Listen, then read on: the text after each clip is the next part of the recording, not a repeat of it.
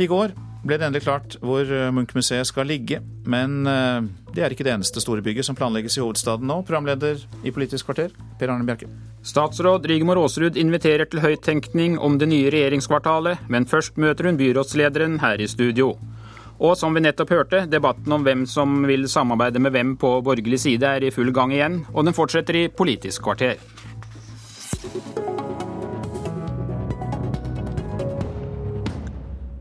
Velkommen hit, leder av byrådet i Oslo, Stian Berger Røsland. Takk skal du ha. Etter at dere nå har fått på plass Munch-museet, er det klart for å planlegge det neste store byggeprosjektet i hovedstaden. Om en eh, halv time har statsråd Rigmor Aasrud invitert til frokostmøte om det nye regjeringskvartalet.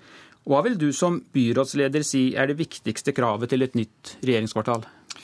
Jeg tenker at Det å få på plass et, et, nytt eh, regjeringskvartal er jo en utrolig viktig del av bybildet i Oslo. Det er en viktig del av hovedstadsfunksjonene. Det at departementene eh, har sete her i Oslo, er jo det som, som gjør, sammen med Stortinget, Høyesterett og kongehus, at vi er, er, Norges hovedstad. Og Nå skal man jo da lage et, eh, og konstruere et nytt eh, kvartal etter det forferdelige som, som, skjedde.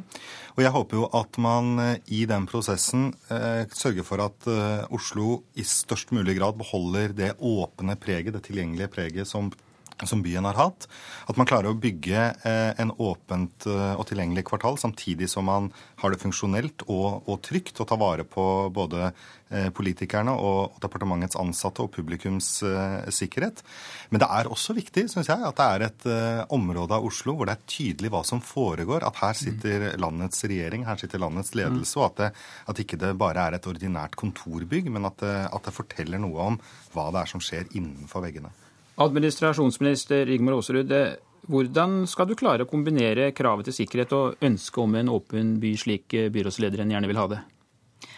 Ja, jeg tror det går an å kombinere til en viss grad, og jeg deler eh, de visjonene som byrådslederen har for hvordan vi skal forme et nytt regjeringskvartal. Det er viktig at vi ikke lager en festning der vi skal ha regjeringskvartalet, men det er også viktig at vi vektlegger sikkerhet, og det kommer vi til å gjøre. Men jeg håper at vi klarer å finne løsninger som gjør at, vi ikke, at publikum har tilgang til arealer og områder rundt regjeringsbygga på en god måte, at det kan være folk der. Samtidig så må man også kunne bygge noe som eh, har en viss symbolverdi. Det at man har en plass, et område som eh, er eh, flott, syns jeg også er viktig ja. når man skal bygge et nytt. Men hva er det viktigste for dere? Hensynet til sikkerheten eller miljøet rundt Berger Røsland? Jeg mener at det går an å kombinere de to tingene. og Vi har et veldig godt samarbeid også med statsråd Aasrud og regjeringen om eh, et eh, litt større sånn, eh, sikkerhets- og tilgjengelig prosjekt i Oslo. Om hvordan vi skal klare å balansere hensynet både til å sørge for en åpen og tilgjengelig by, og sørge for hensyn til, til sikkerhet. Og Det at man nå skal begynne å bygge mye nærmest fra grunnen, gjør jo også at man får mulighet til å innpasse en del sikkerhetstiltak i bygningskonstruksjoner, i byplangrepene man gjør.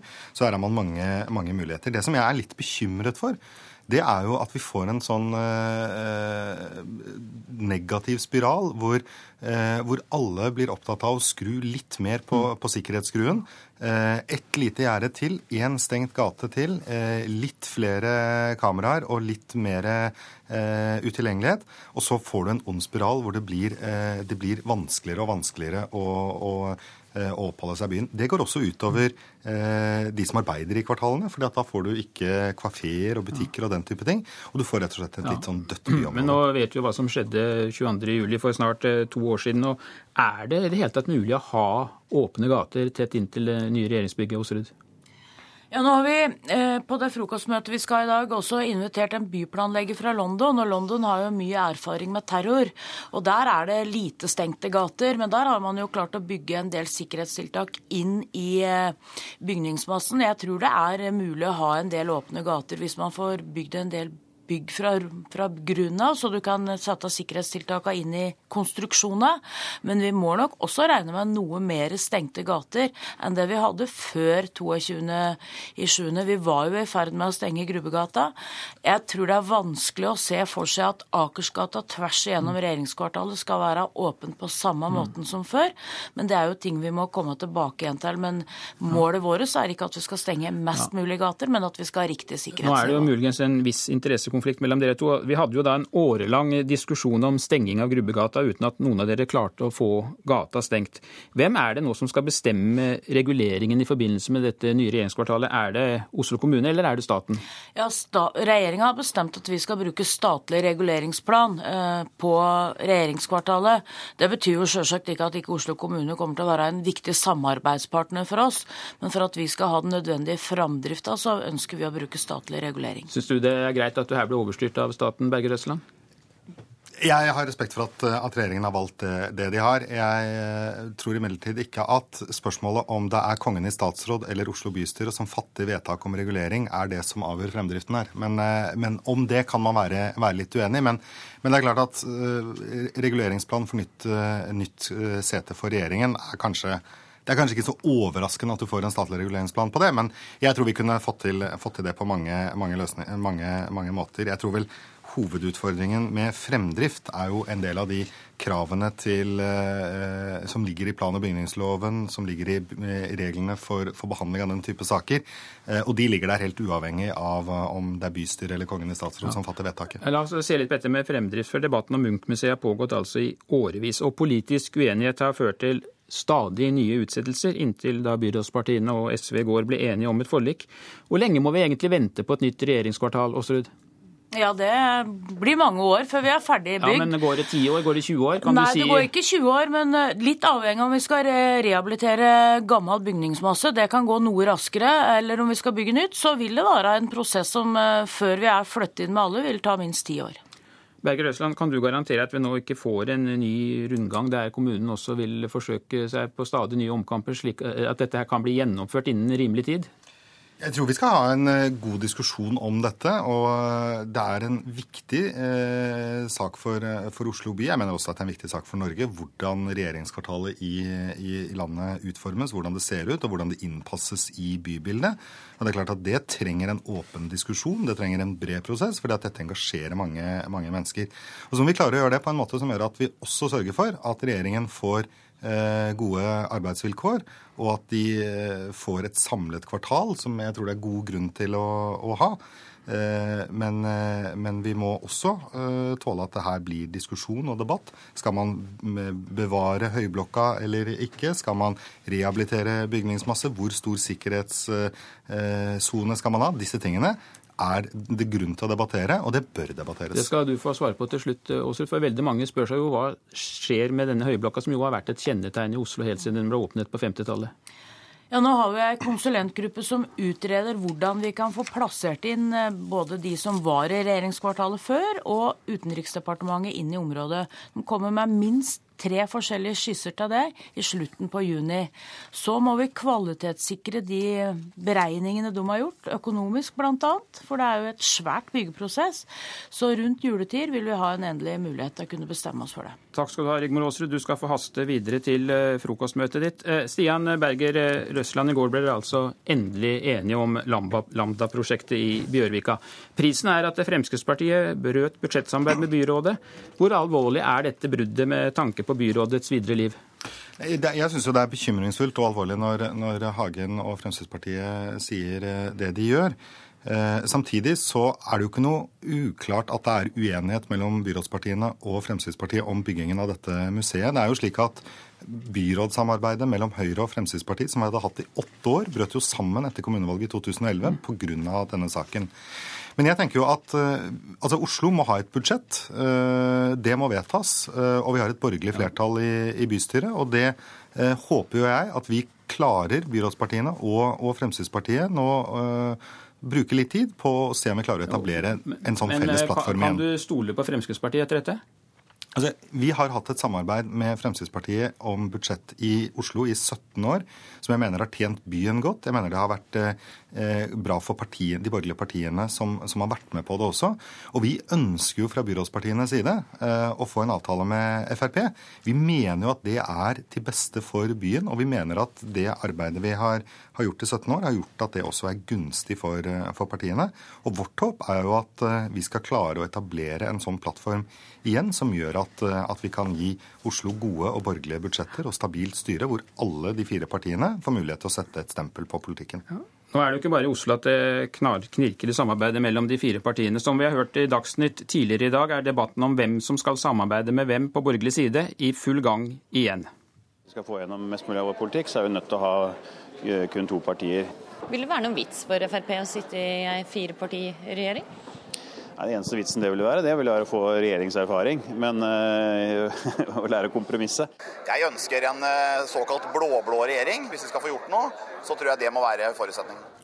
Flere sentrale Frp-ere er kritiske til å gå i regjering med Venstre og KrF, blant dem stortingsrepresentantene Christian Tybring-Gjedde og Ulf Leirstein, som vi hørte her, intervjuet av Astrid Randen. Nestleder i Venstre, Ola Elvestuen, hvor store sjanser er det for at vi får en borgerlig regjering der alle fire partier er med? Ja, Nå er jo ikke dette noe overraskende. og Her sånn er det jo uenigheter. Det er jo fra venstre side også. så vil jo vi... Det er ikke bare uenigheter, De vil jo ikke ha dere med. Ja, og vi, vi, vil jo også ha en ny regjering der Venstre har gjennomslag. og Vårt alternativ er jo Høyre, Venstre og KrF. Men det som er helt tydelig, og det, det er Venstre tydelig på, og det er også en forventning i forhold til Fremskrittspartiet, er jo at alle fire partier Eh, etter et valg med et borgerlig flertall må være villig til å sette seg sammen og snakke sammen for å se hvordan man da skal få en regjering på, på plass. Hvor klokt er det å gå ut med slike uttalelser som vi hørte her tre måneder før valget?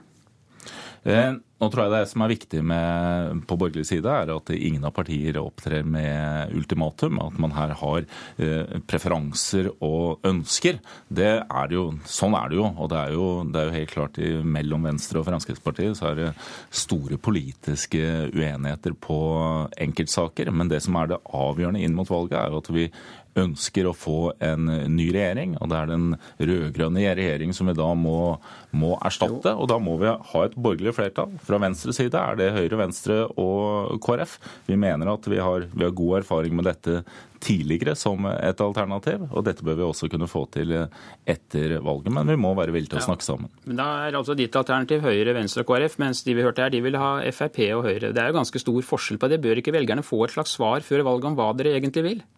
Du, dette er en situasjon som vi har hatt eh, hele tiden. og Det som vi må være tydelige på, er at et eh, borgerlig flertall gjør at vi vil sette oss sammen og snakke sammen, sånn at du også får en, eh, en regjering på plass.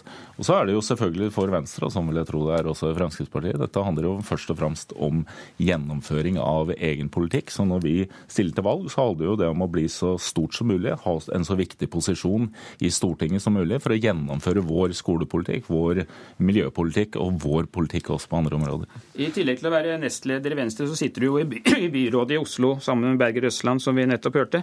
Får Fremskrittspartiets brudd med byrådet noen konsekvenser for samarbeidet på riksplan?